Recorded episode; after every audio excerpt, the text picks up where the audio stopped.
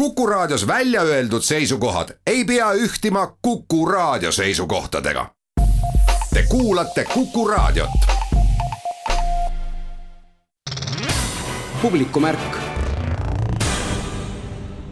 tere päevast ja ilusat kevade jätku. Kuku raadio eetris algas saade Publikumärk. saatejuhiks on Liis Seljamaa. tänases saates tuleb juttu heliplaadist pealkirjaga Muusikat Ugala teatri lavastustest. Samuti kunstinäitusest, mis Kadrioru kunstimuuseumis avati jüripäeval. Memlingist Rubensini Flandri ja Kuldne ajastu ja tegu on seni kõige suurejoonelisema madalmaade kunstinäitusega Eestis Voronia galerii valmistub skulptuuride aia loomiseks ning peatselt avatakse ka uus näitusehooaeg. Paide teater on aga alustanud koostööd Pariisi Linnateatriga, viies ellu projekti Poeetilised konsultatsioonid. Saate kõige esimene intervjuu juhib aga tähelepanu tänaõhtusele veebis jälgitavale kontserdile Vanalinna muusikamajast ma ei tea, kas live-kontserte veebis on Muusikamajast ka varem korraldatud, igal juhul laupäeva õhtul üks selline kontsert toimub, see kannab pealkirja Shakespeare'i radadel. Nendel radadel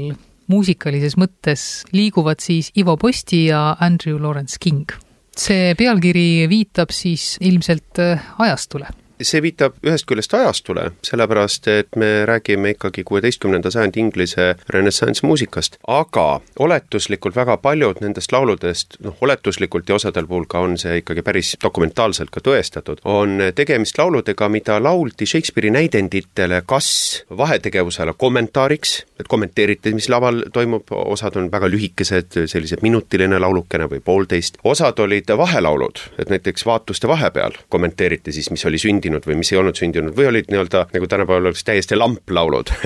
aga et väga paljud nendest on tõesti seotud otseses mõttes Shakespeare'i näidenditega. näitlejad laulsid või olid selleks eraldi lauljad, kes siis üles astusid nendega? teate, tollel ajal oldi ju sellised mees nagu orkester ja trumm pealekauba, nii et ju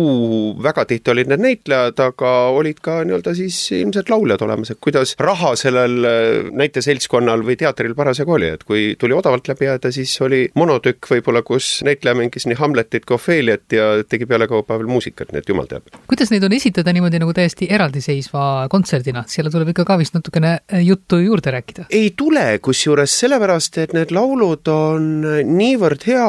kuidas ma ütlen, sõnumiga ja nad on jutustavad, et nad on nagu asi iseeneses. Nad töötavad igal juhul, olgu ta siis näidendi sees või mitte. sõna otseses mõttes lugu muusikas kas seal mingi neidis nutab pärnapuu all ja, ja kirjeldatakse, miks ta nutab ja, ja mis see kõik on, nii et noh, ma ütleks, et nad on täiesti jah, asi iseeneses ja töötavad väga hästi. kas nad natukene on võrreldavad ka Shakespeare'i enda loominguga, sest seal on ka päris palju teksti, mis on noh, nagu niisugune jutustav? jaa, jaa, muidugi, no ütleme, see ajastu juba eeldab seda, et inimesed, kes teatris käisid, noh, Gloobus, eks ole, kus Shakespeare'i mängiti põhiliselt ja nii edasi, et seal oli väga palju lihtrahvast. no sa pead mõtlema nagu nende mõttemaailma ja kõige peale ka, et väga abstraktseid asju nad ei pruugi tulla vaatama, et see peab olema lõbus, see peab olema kurb, see peab nutma ajama, naerma ajama. Ja Shakespeare'i geniaalsus ju selles seisnebki, et ta oskab niivõrd selgelt ja lihtsalt teha selgeks inimestele keerulisi asju, abstraktseid asju selgitada läbi lugude, nii et jah Teie esitate neid originaalkeeles? vaat siin on nüüd hea küsimus, et mis on originaalkeel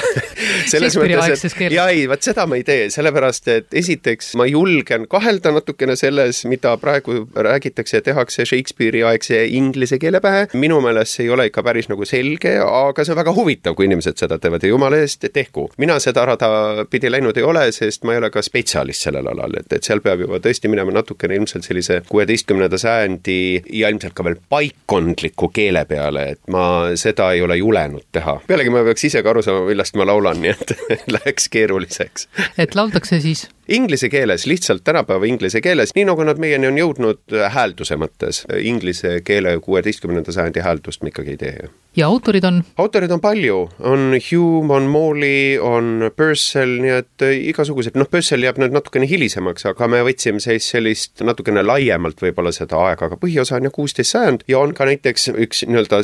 hitte, kui nii võib öelda, Greensleeves, mida kõik tavaliselt teavad, kui on kuulnud midagi. et näiteks Greensleevesi puhul on kahtlus, et see võib olla noore Henry kaheksanda kirjutatud, et legend vähemalt nii räägib, et kui ta noor oli ja veel ei olnud peast päris ära pööranud, siis oli ta väga andekas ja väga selline kunstitelembeline, kirjutas laule ja luuletusi ja, ja kõike, et väidetakse, et see on tema sulest. räägime sellest koosseisust ka, nimetatud sai siis juba kaks Ivo Posti ja Andrew Lawrence King, esimene siis laulab ja teine mängib barokkharfi, aga laval on ka Viola da Gamba ja klavessiin, ehk siis Villu Vihermäe ja Saale Fischer. Need laulud loomulikult sellises koosseisus tollal ei suure tõenäosusega ei esitatud, see oleks liiga kallis olnud esiteks ja teiseks nad on pigem kirjutatud kas siis mingile häälele ja viiuli sarnasele asjale või vilepillile või millelegi muule, aga Andrew Lawrence King on siis teinud seaded ja põhiraskus muidugi langeb harfile, sest see on selleaegne pill, mida ta mängib ja eks me siis katsetame, kuidas selles koosseisus need kõlavad. tema on mitme Eesti muusikakollektiiviga teinud nüüd koostööd ja barokkansambel Floridante ja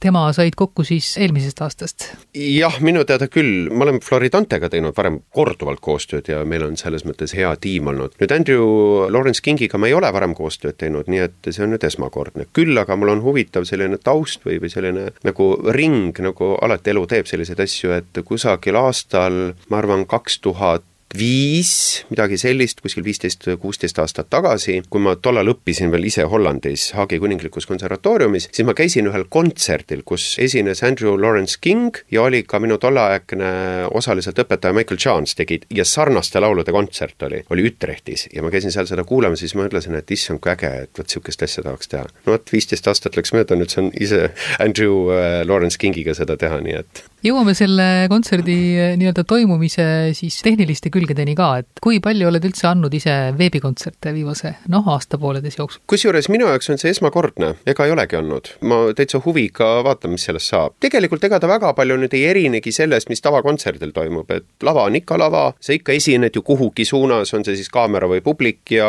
ja ma arvan, et ega mis seal ikka nii väga no publik ikka vahepeal plaksutab ka, kaamera ei plaksuta. no seda küll jah, vot sellest on väga kahju, et see läheb kõik vaikusesse, ühesõnaga laulja jaoks või üldse esinejate jaoks on ju tegelikult noh, ükskõik, kes seal laval on, tema jaoks on ju väga tähtis tegelikult see, et kui sa annad nii-öelda energia välja sinna kuskile, et siis see energia tuleb tagasi, antud juhul tõepoolest seda energiat tagasi ei tule, sa ei saa tagasisidet, sul ei tule nii-öelda seda vastust, ükskõik millisel kujul, et see on tõesti, teeb ilmselt keeruliseks, aga siis tuleb see ilmselt välja mõelda endale need marulised ovatsioonid, et jõuaks ja saaks edasi minna. aga muidu muusikamaja sobib sellise kontserdi jaoks niisuguseks kammerlikuks ülesastumiseks? jaa, ma arvan küll, ma olen sealt varemgi näinud ülekandeid ja tõepoolest, et on selline väike mõnus kammerlik saal, et peaks sobima absoluutselt. Floridante jaoks ei ole see esimene veebikontsert, nemad on ka sellel kevadel teinud seda ennegi ja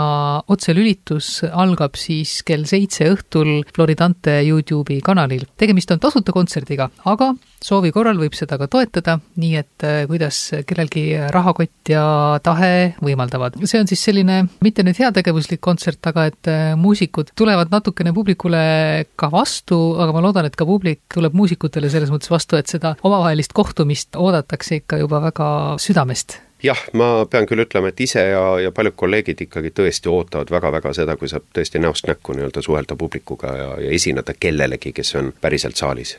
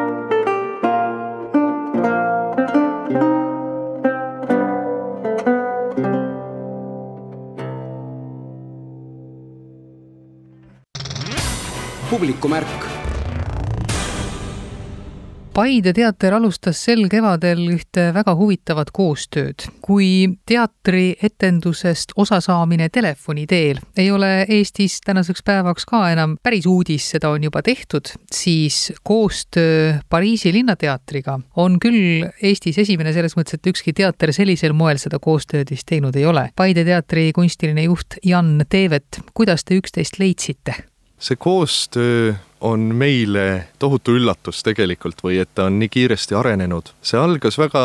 lihtsalt eh, sellest, et me otsisime lahendust, kuidas teatrina jõuda inimesteni ajal, kus teatrisaalid on suletud. mingit võimalikult täpset vormi, mis ei läheks eh, liialt teatraalseks ja samas, mis tõesti ehk eh, oleks selles ajas vajalik, selles ajas, kus me elame ja kus inimlik kontakt on viidud üsna miinimumini seda vormi otsides me jõudsime täiesti juhuslikult umbes samal ajal Paide teatri lavastust dramaturgi Oliver Issakuga New York Timesi lugedes ühe arvustuseni, kus kirjeldati seda Pariisi Linnateatri või, või Teatre de la Ville'i projekti, poeetilised konsultatsioonid. ja siis otsustasime, et aga miks mitte võtta ühendust. ja me kirjutasime Pariisi Linnateatrile Paidest ja küsisime, et kas nad oleksid huvitatud, et nende projektiga liituks üks väga väike teater ühest kohast, mis nähtavasti arvatavasti enamikele pariislastele on täiesti tundmatu. ja pärast seda kõik läks juba üllatavalt ludinal ja me loodame ja usume tegelikult praegu juba, et see poeetilised konsultatsioonid, see projekt, milles me osaleme ja milles osaleb tegelikult veel päris palju näitlejaid päris paljudest erinevatest riikidest, et see on algus koostööle, mis võiks võtta veel väga erinevaid ja väga huvitavaid vorme. Paide teatri puhul osaleb siis kolm näitlejat, Maria, Johannes või Kirill? just kolm näitlejat on äh, telefonide juures ja on valmis numbreid valima. kuidas nad teavad, kellele helistada, ehk mida siis publik peab tegema? publiku ülesanne on ühtepidi väga lihtne, tuleb äh, minna kõigepealt Paide teatri lehele, sealt äh, viib internetilink edasi Pariisi Linnateatri koordineeritud süsteemi, kus saab endale ajakirja panna. see poeetiline konsultatsioon on täiesti tasuta, aga tuleb panna kirja oma nimi ja telefoninumber ja need laekuvad siis näitlejatele. tuleb valida endale aeg, see aeg on tunni aja täpsusega ja selle tunni aja jooksul me siis palume väga, et inimene oleks valmis telefonile vastama. kui ma meenutan praegu, mida kirjutas see New York Timesi arvustus, siis seal arvustaja oli jõudnud tõdemuseni, et kui näitleja, temale täiesti tundmatu näitleja, kes talle tol hetkel Pariisist helistas, küsis talt, kuidas sul läheb, mis on nende konsultatsioonide esimene küsimus alati, siis üle pika aja tundis ta, et ta ei pea valetama, tegema kellegi tuju heaks, ta ei pea oma ema südant rahustama, vaid ta võib sellele näitlejale öelda üsna otse ja ausalt, kuidas tal läheb, mis tundega ta täna elab no see on natukene nagu usaldustelefon siis juba või? Tal on teatud mõttes hea usaldus telefoniga sarnaseid jooni, aga justkui näitlejad said ka koolituse Pariisi näitlejatelt, siis põhiasi, mida öeldi Pariisi näitlejad, kes on seda teinud läbi aasta, mida nad panid meie näitlejatele südamele, on see, et ei ole psühholoogid. Te olete siiski näitlejad ja see kõne kestab kakskümmend minutit, absoluutselt me kuulame ja räägime, aga tuleb leida endale võimalus teha see vahe vahele, et me ei ole professionaalsed nõustajad näitleja terve selle kõne jooksul tegeleb justkui teisel plaanil või, või tegeleb sellega, et seda vestlust mõtestades valida sellele inimesele spetsiaalselt välja üks luuletus. Et see on luuletus, mis võiks selle inimese päeva kirgastada, talle selles seisundis, kus ta parasjagu on, sobida. iga näitleja on pannud endale kokku isikliku tekstiraamatu või siis isikliku luuleraamatu, võiks isegi öelda luulevalimiku. ja siis me oleme kõik need kolme näitleja luulevalimikud komplekteerinud ühte, nii et põhimõtteliselt istub näitleja telefoni ääres nii, et tal on sada viiskümmend luuletust. oled öelnud ka, et kui te saite kokku kokku Pariisi Linnateatri kunstilise juhiga või saite temaga vestelda, siis teie jaoks kuidagi need mõtted või püüdlused, mis on projektil Paide kolm tuhat, on ka laias maailmas samasugused püüdlused, noh, ütleme teatrites, võib-olla ka kogu ühiskonnas? tundub küll, Teatre de la Ville või Pariisi Linnateater on teater, kus on mänginud lavastusi või loonud lavastusi sellised tantsu- ja etenduskunstide maailma suurnimed nagu Piina Bausch, Jan Fabre ja see Emmanuel de Marcy Mota sõnum oli see, et kõik need suured nimed moel või teisel kuuluvad kahekümnenda sajandi lõppu. et tema huvi praegu on defineerida ümber see, mida tähendab linnateater Pariisi linnale. noh, meie saime siis öelda vastu, et meie väga lühikese ajalooga teater tegeleb täpselt sellesama küsimusega, et mis on teatri funktsioon ühes väikeses linnas, mis on kunstniku roll selles muutuvas maailmas, mis äh, muutub päris pöörase kiirusega, et siis kas kunst suudab luua vahealasid, ehk on see sõna, kus saavad kokku tulla need inimesed, kes mingites küsimustes ehk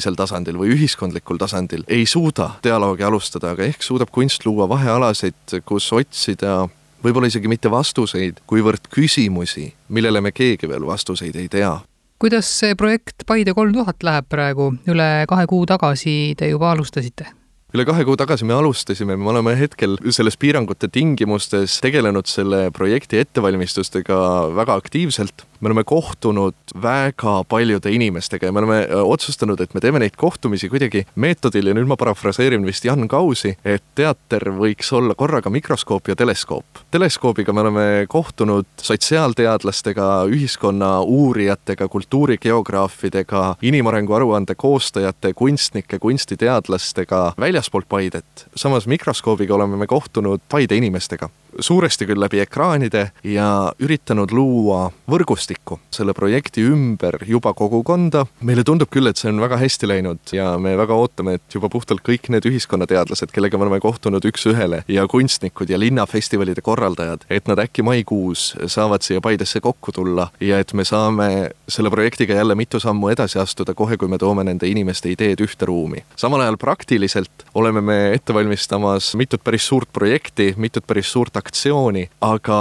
eile ja täna oleme me siin aktiivselt tegelenud Paide teatri aia loomisega, me otsustasime, et Paidesse on tarvis kogukonnaaeda ja nüüd me oleme alustanud selle kogukonnaaia rajamist ja kohe, kui piirangud lubavad, siis me kaasame selle aia, aia rajamisse ka Paide kogukonna. Paide kolm tuhat lõppu ei ole veel näha, see lõpeb siis, kui kõik esitatud küsimused on vastuse saanud. Ja ka poeetilised konsultatsioonid kestavad senikaua, kuni vajadus nende järele olemas on. et kaua see võiks olla, arvata võib, et kui teatrid saavad ka ruumis sees inimestega kohtuda, et siis see vajadus läheb nagu väiksemaks. Ühtepidi küll, teisalt eh, mulle tundub, et need poeetilised konsultatsioonid on vajalikud ja huvitavad ka pärast seda, kui elu läheb edasi nii-öelda selles harjunud rütmis ja võib jälle istuda teatrisaali. võib-olla mingil hetkel on vaja teha pausi, võib-olla suvi ei ole inimestele telefonivestlusteks kõige meeldivam aeg, aga kindlasti ma olen kindel, et mai lõpuni lähevad nad kindlasti edasi. ja Paide kolm tuhat läheb edasi tõesti, me oleme otsustanud, et see projekt on Paide teatri nimiprojekt ja, ja ta kestab täpselt seni, kuni me tunneme, et me oleme kuhugi jõudnud või kui me oleme jooksnud sellisesse ummikusse, et me ise ka ei oska enam edasi minna. aga isegi siis siis mulle tundub, et Paide kolme tuhandest võiks saada nimi, visioon või utoopia tervele Paide linnale ja, ja õigupoolest kõigile väikelinnadele. publikumärk. Voronia galeristid Peipsi järve ääres valmistuvad hoolega uueks hooajaks ja tegelikult valmistuvad selleks, et saaksid teoks ka pikemad plaanid. rajamisel on Voronia galerii skulptuuride aed ja neil päevil kuulutati välja konkurss kõigile, kes tahaksid oma skulptuure siis selles aias tulevikus näha. galerist Raulo Reskin, praegu on seal skulptuure tõesti vähevõitu, aga ettevalmistused selleks, et nad sinna saaksid tulevikus tulla ja asuda, on teie poolt noh, vähemalt mingil määral tehtud jaa, on tõesti, et me tegelikult alustasime selle skulptuuride aia ettevalmistustega juba eelmisel aastal, kui me rajasime aeda sellise pika pika laudtee koostöös kinomaastiku arhitektidega. see on pisut nagu laineline, viidates Peipsile, laudtee omakorda viitab ka paadisillale omakorda ja rõhutab ka seda kunagisi pikki sibulapeenraid. Ja mida mööda saab jalutada, kus saab istuda, aega veeta, päikest võtta, piknikku pidada, et ta on selline multifunktsionaalne, seal on üks paviljon, kus saab suvel varju, võib-olla väiksemaid töötubasid läbi viia aias ja kahel pool siis hakkavad olema skulptuurid ja see laud samuti on ka nagu selles mõttes ka nagu hea, et kui ikkagi tulevad linnainimesed ja veel ka nagu Euroopa külalised, ega nad siis väga nagu ei taha tegelikult selle natuke kõrgema muru peal nagu ringi käia, siis tegelikult see puidust sild või laudtee siis võimaldab ka nii-öelda puhta jalaga siis jalutada aias ringi ja vaadata neid skulptuure. selle laudistee, me siis eelmine suvi sinna rajasime tänu Peipsiveere programmile, kes meile appi tuli ja tänu hooandjatele, keda oli kokku kakssada kolm. ja esimesed skulptuurid samuti eelmisel suvel aeda jõudsid, need on siis viitega eelmistele hooaegadele, Timo Tootsi skulptuur Lennuvalvur jõudis aeda, lennuvalvur oli meil siis kuuendal hooajal seal järve ääres äh, näha-kuulda, sest see on tõesti ka nagu heliinstallatsioon, seda saab ka kuulda. Kaisu Koivisto draakonlind jõudis samuti eelmisel suvel aeda ja Kaisu on siis viitega siis viiendale suvele, kui Otso Kantokarpi siis kureeris Soome naiskunstnike näitust. pidime ehitama eelmine aasta ka Jan Kausi skulptuuri, mis on viide siis teisele hooajale, kui Mari Kartau kureeris Comebacki näitust, aga see jäi sellise keerulise kevade tõttu ja väga tiheda suve tõttu ehitamata, aga meil on praegu juba siis materjalid välja otsitud, valmis pandud ja me loodame, et siis selle hooaja alguseks saab ka Jan Kausi skulptuur valmis, need on siis nagu viited eelmistele aastatele ja lisaks siis on meil praegu aias näha ka veel Terje Ojaveri skulptuur, Teet Suure üks installatsioon, interaktiivne, millest saab isegi nagu vaataja sekkuda ja üks Eloliivi skulptuur ka, nii et kui algaval hooajal meile külla tulla, siis tegelikult on ikkagi seal aias ka üht-teist juba vaadata. kui palju te arvate, et neid skulptuure sinna niimoodi saaks paigutada, et oleks nagu hea vaadata ka? Jah, see on täitsa omaette trikiga küsimus või mis trikiga, selle üle me oleme ise väga palju nagu mõelnud, et noh, tõenäoliselt ju suuri teoseid väga palju paigaldada ei saa ja seetõttu ka see konkurss hetkel on nagu vist väga heal ajal, et kui aed on veel ikkagi enam-vähem nagu tühi ja lage, meil ei ole seal ka väga haljastust veel just selle mõttega pandud, et oodata ära, mis on need läbi selle konkursi saabuvad võib-olla nagu just, me ootamegi praegu selliseid suuremahulisi või selliseid võimsamaid teoseid, mida me nagu ise edaspidi võib-olla osta nagu ei suuda, et kuna EAS on meile selle skulptuuride fondis ka praegu nagu õle alla pannud omalt poolt. ja siis sealt omakorda nagu vaataks edasi, millised on need väiksemad skulptuurid, mis mahuvad sinna võib-olla suuremate vahele, kõrvale ja, ja kuidagi siis nagu täiendavad seda pilti. mõningad skulptuurid võib-olla tulevadki meie aeda nagu ajutiselt, et meil on siin koostöös Tartu kunstikoolidega näiteks võimalus, et me toome tudengite skulptuurinäitusi, lõpetajate diplomitöid korraks aeda, näitame neid näiteks üks-kaks hooaega ja et see kõik peab ikkagi alati nagu väga hea välja nägema ja võimalus ikkagi näha nagu suuremaid skulptuure distantsilt ja väiksematele peale, siis peaks olema nagu võimalus ka nagu lähemale tulla. see neljateistkümnenda juunini kestev äh, konkurss tähendab siis seda, et need siis, mis selle konkursiga just nagu esitatakse, on siis selle mõttega, et need jäävad sinna? vot need skulptuurid küll nüüd jäävadki, et need meil on tõesti plaanis nagu välja osta, et hetkel on siis meil äh, koos EAS-iga see fond moodustab kokku viiskümmend tuhat eurot. Äh, me loodame ikkagi mitu-mitu-mitu skulptuuri selle toetuse eest aeda soetada ja praegu on küll nagu jah, see ootus, et need siis nagu jäävadki ja ja, ja meil on tõesti ka konkursi tingimustes ära märgitud ka see materjali kestlikkus, et just see on ka nagu üks, üks hindamiskriteerium, et äh, see skulptuur peaks seal siis välitingimustes vastu pidama ja, ja loodetavasti ikkagi aastaid ja aastaid, kui mitte aastakümneid vastu pidama. tõenäoliselt ei saa see skulptuuride aed mitte kunagi nagu täielikult valmis, vaid on muutumises, aga siis esimene niisugune väljanägemine võiks talle saabuda millal? See on tõsi, et ta ei saa mitte kunagi ilmselt valmis, et tõenäoliselt me oleme praegu nagu hõiganud välja, et noh, aastaks kaks tuhat kakskümmend neli võiks saabuda selle skulptuuride aia kulminatsioon, et noh, siis kannab Tartu kultuuri, Euroopa kultuuripealinna tiitlit ja tegelikult ka Varonia galerii koostöös Sibulatee ja kirjanik Vahurahva Nassjeviga on ühe projektiga seal arendusfaasis hetkel sees, et noh, varsti siis selgub, kas projekt jääb programmi või ei jää, aga tegu on siis sellise mastaapse aastaringse Peipsi kunstiteega ja see skulptuuride aed saab olema siis üks selle Peipsi kunstitee osa, mida siis saab aastaringselt vaadata. Ja noh, skulptuuride aia nagu üks mõte oligi, et me tegelikult nagu saame oma tegevuse venitada aastaringseks, et kui me praegu siiski paadikuuris saame näituseid korraldada ikkagi ainult suvel, sest me tahame seal näidata originaalteoseid ja me ei saa päris nagu õlimaal ja graafikat panna välja sügisel, talvel, kevadel, kui on õhuniiskus väga kõrge, sest see paadikuuris ei ole kontrollitud kliima. aga skulptuuride aed nagu võimaldab külastajaid vastu võtta kevadel, kui võib-olla kõik tärkab ja on selline nagu esimesed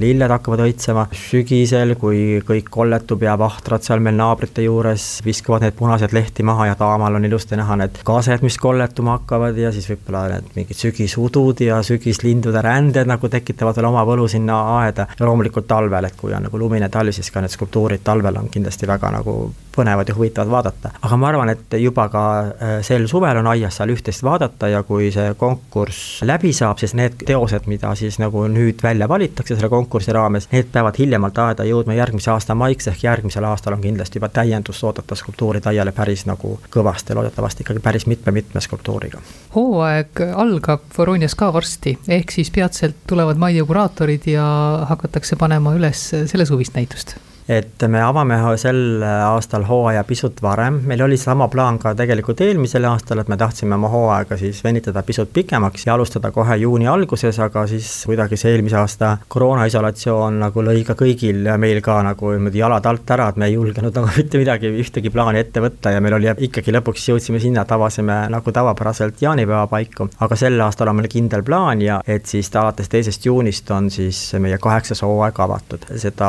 hooaega kureerib Tartu teadlaste paar, Tõnu Esko ja Kaia Põhaku Esko. fookus siis näitusel saab olema kunsti, teaduse ja ulme omavaheline nagu selline peegeldamine, üksteisele nagu viitamine. et kui ähm, kõige pöörasem äh, ulmeraamatust pärinev idee võib ühel hetkel äh, muutudagi nagu teaduse eesmärgiks või teadusküsimuseks, mida teadlased lahendavad, toovad galeriisse need nii-öelda nagu lingid nende selliste ideede ja teadusküsimuste vahel, mida siis nagu kunstnikud omalt poolt nagu visualiseerivad. ja sel aasta näitus on jah, nagu seetõttu veel eriline, et, et saab vaadata ka teadussaavutusi, kunstinäitust ja siis ka avaneb veel ulmeraamatukogu, et on võimalik siis kohapeal sirvida, lugeda ja võib-olla ka mõningaid ulmeraamatuid kaasa osta aga hooaja lõpp on nii nagu alati augusti lõpuni, võib-olla veel mõned nädalad septembris ka? ja et kahekümne üheksanda augustini oleme siis avatud kolmapäevast pühapäevani ja kuna sel aastal on augustis Kolkjas loodetavasti saavad toimuma Tartu Uue Teatri Serafima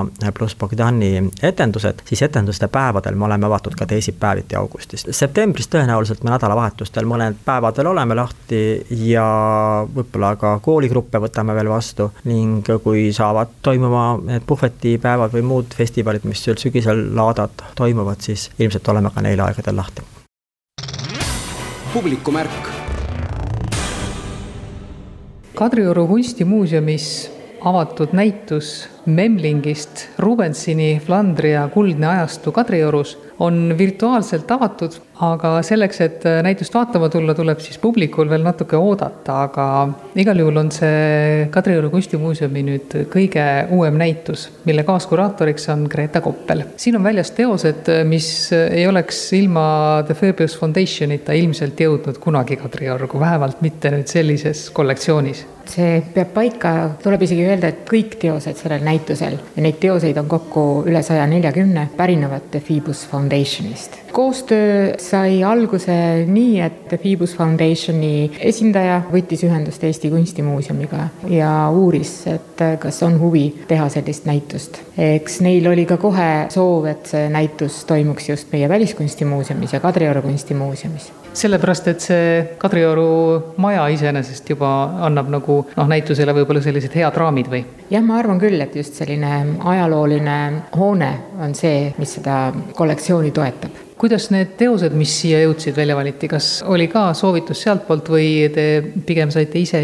oma soovid esitada? eks see oli nii ja naa, et esialgu hakkas jah, see töö pihta, et mul olid olemas mõned kataloogid kogu eelnevatest näitustest, selle põhjal ma tegin esialgse nimestiku mingi hetk nemad omalt poolt saatsid ka oma soovid, et mida nad hea meelega näitaksid, et siis sai neid nii-öelda kombineeritud ja, ja siit ikkagi, et kuna Kadrioru kunstimuuseum on äh, selline ajalooline hoone ja ruumiprogramm väga ka dikteerib seda sellist teatud nagu temaatilist jaotust, siis see oli ka üks, millega nagu arvestada, et neid erinevaid teemasid siia koondada, et eks see ikkagi sündis, see valik sündis kokku dialoogis, et olid neid, mida meie soovisime näidata ja eks meil muuseumis on alati ka huvi, et me saaksime näidata neid teoseid, mis äh, aitavad kuidagi anda laiemat kõlapinda meie oma koguteostele. on see siis kas konkreetselt mõne kunstniku teos, mida meil on üks ja nendel on paar samast ajast, või siis mingid teosed, mis on oma vaimsuselt väga sarnased, et Kadrioru kunstimuuseumi Madalmaade kogu üks võib-olla tuntum teos on äh, selline bošilik kaubitsejate ja rahavahetajate välja, templist väljaajamise pilt ja selles kogus on äh, üks inimkonna narruste allegooria pilt, et nad on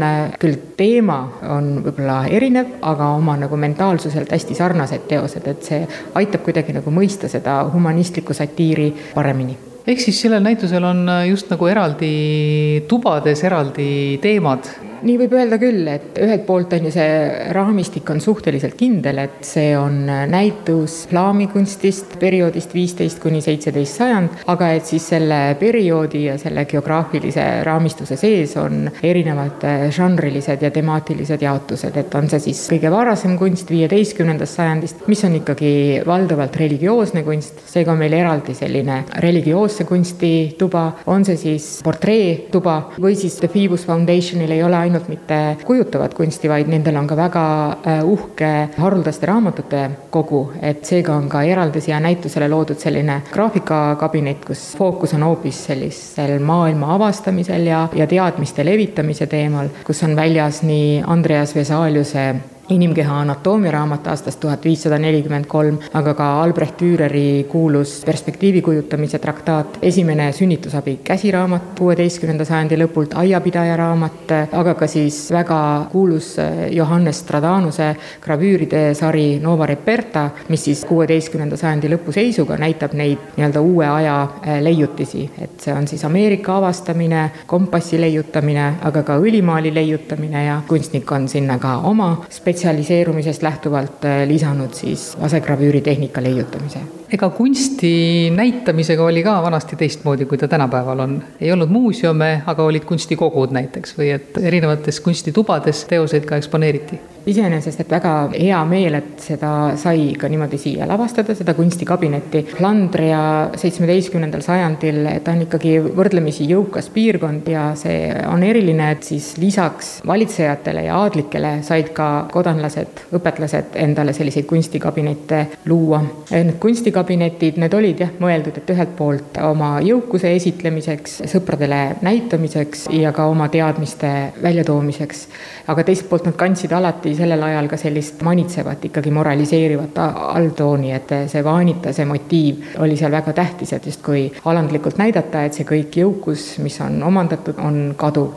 ja noh, hea meel oli, et, et kuna tõesti The Phoebus Foundationi kogu on võrdlemisi mitmekesine, et siis oli võimalik sellist kunstikabinetti nende kogust ka luua, et seal ei ole ainult maalid, on ka sellised kunstipärased objektid või ka sellised eksootilised rariteetsed objektid, on selleks siis Ladina-Ameerikast seitsmeteistkümnenda kahekümnendal sajandil toodud ehiskarp või võib-olla üheks kurioossemaks objektiks on see niinimetatud ükssarviku sarv, mis ju tegelikult, eks, on narvali piighammas, aga neid taolisi sarvesid juba keskajast peale koguti kui ikkagi imet tegevaid selliseid reliikviaid. aga et jah, et seitsmeteistkümnendal sajandil see teadmine juba levis, et see on reaalse zooloogilise isendi piighammas, aga kunstikollektsionääride ja nende rariteetide kogude omaniku jaoks ta endiselt kandis veel sellist nagu müütilise looma haruldase sarve tähendust, et see mingis mõttes aitab väga hästi iseloomustada seda selleaegset maailmapilti, et kus see selline realistlik ja müütiline omavahel väga tihedasti põimuvad selles osas ei ole muidugi eriti midagi muutunud, et ka kunsti kogumine praegu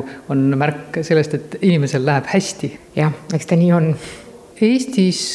ei ole nii suurt madalmaade kunstinäitust olnud. miks see madalmaade kunst meid ikkagi niiviisi paelub, mis selles on sellist, mis toob, noh, mis esiteks tekitab huvi näituse tegemiseks, aga mis toob ka inimesed vaatama? Ühelt poolt, et kui mõelda nüüd sellele perioodi peale, viisteist, seitseteist sajand, et see on madalmaade ajaloos jõukas periood ja, ja seda kunsti on ka tänaseni väga palju säilinud. et see kunst juba omas ajas oli selline oluline osa siis kaubandusest ja seda on nagu üle maailma siis palju liikunud, aga aga teiselt poolt ma arvan ka, ka see visuaalne pool, ta tõesti on selline võib-olla siis ta näiliselt väga realistlik, et sellega on võib-olla kerge kuidagi kontakti saada, pluss et see, see selline võib-olla ise, isegi illusioon impressionismini küündiv selline detailsus on midagi, mis meid täna nagu huvitab, et, et justkui ühelt poolt on võimalik vaadata kõike nagu avaralt ja teiselt poolt see kõik on justkui sellise mikroskoobi all kujutatud muuseumid on praegu veel publiku ootel, aga pea need uksed avanevad. kas on plaanitud ka juba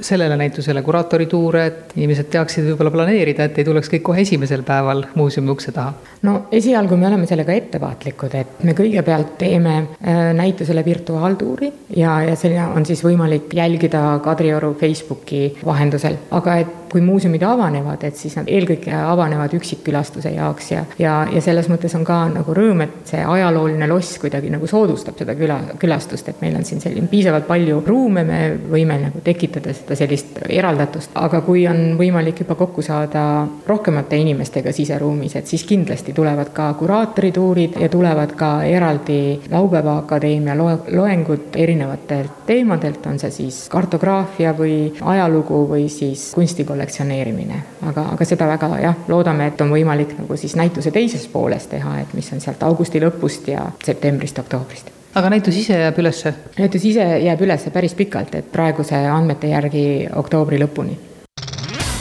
publikumärk Ugala teatri lavastustes kõlanud muusika on vähemalt osaliselt jõudnud nüüd heliplaadile ehk siis on tehtud vahepeal ka sellist tööd, mida võib-olla oodati juba ammu ja võib-olla ei olnud varem nii palju aega teha, aga nüüd on muusikat Ugala teatri lavastustest igal juhul valmis. Ugala teatri muusikajuht Peeter Konovalov, kui tegemist on nii vana teatriga juba, siis seda muusikat on lavastustes kõlanud nii palju, et kindlasti oleks saanud kokku rohkem kui ühe plaaditäie ja meie plaadile on saatesõna kirjutanud teatrivaatleja Pillerin Purje, kes ütleb seal väga, õigemini ta küsib, et huvitav, mitu plaati saaks koostada Ugala teatri, sajaaastase Ugala teatri muusikatest. tõesti, ilmselt neid oleks võimalik koostada, aga kuna Ugala sai sada, siis oli tõesti põhjust võib-olla natukene sobrada mälus, võib-olla sobrada mingites mälestustes ja tegelikult ütleme, see aastad on siis seitsekümmend kaheksa on esimene, noh, kõige vanem pala kuni siis kaks tuhat kaheksateist, nii et ütleme, pea pool Ugala elueast on seal ikkagi esindatud jah, ajastute või kuidagimoodi niimoodi kaupa mingite oluliste lavastuste. kõik on originaalteosed, mis on ühele või teisele lavastusele spetsiaalselt kirjutatud. ainult et plaadi peal on nad nüüd uuesti sisse mängituna uued seaded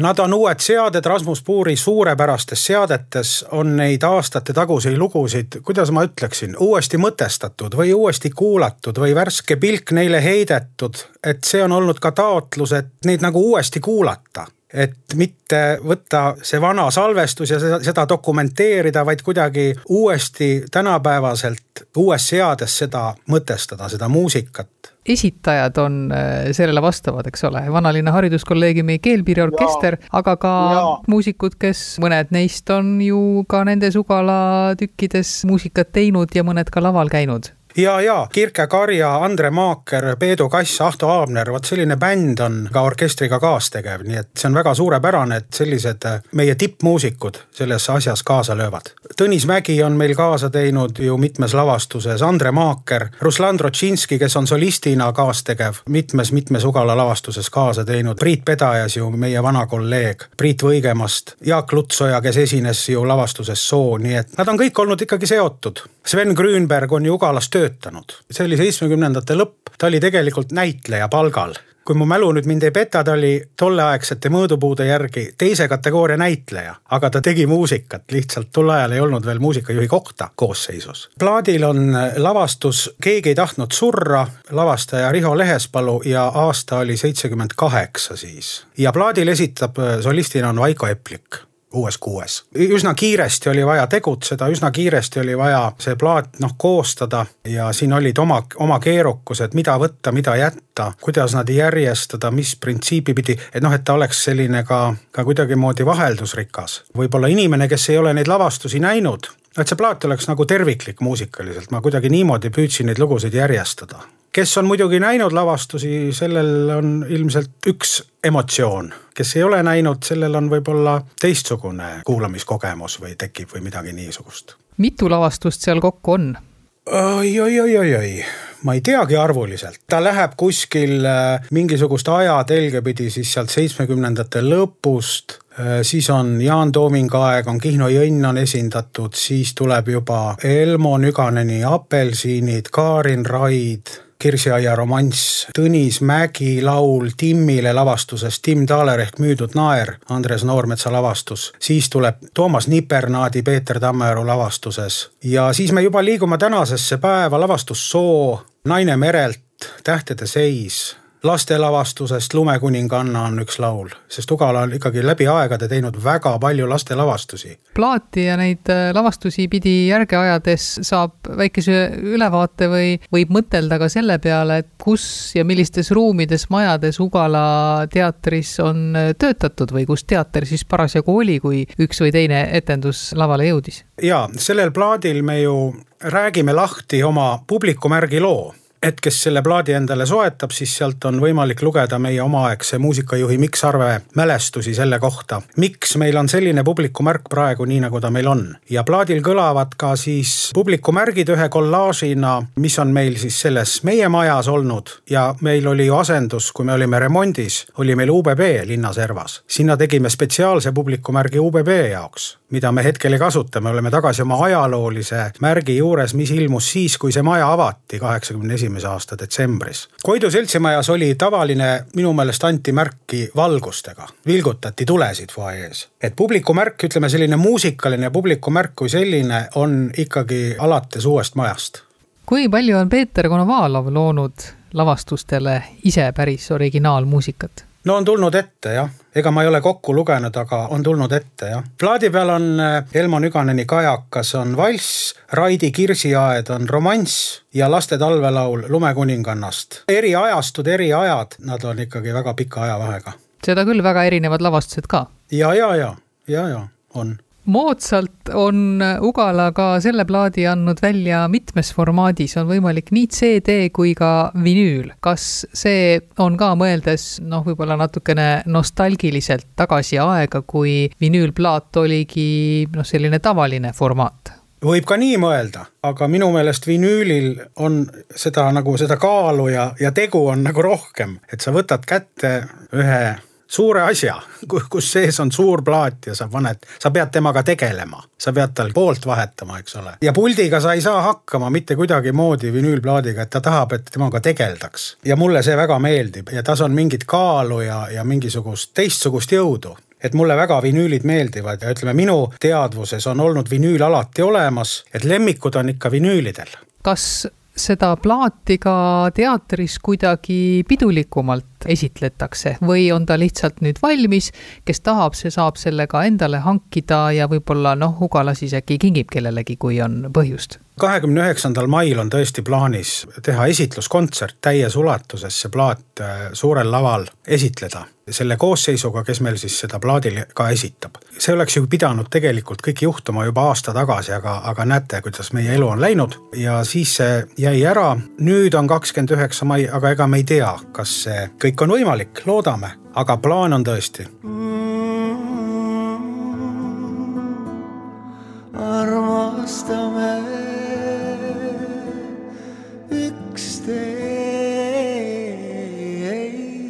armastame. kuid uinusin, siis kuulsin kahte lindu kõnelemas säevana vahtral kõnelemas.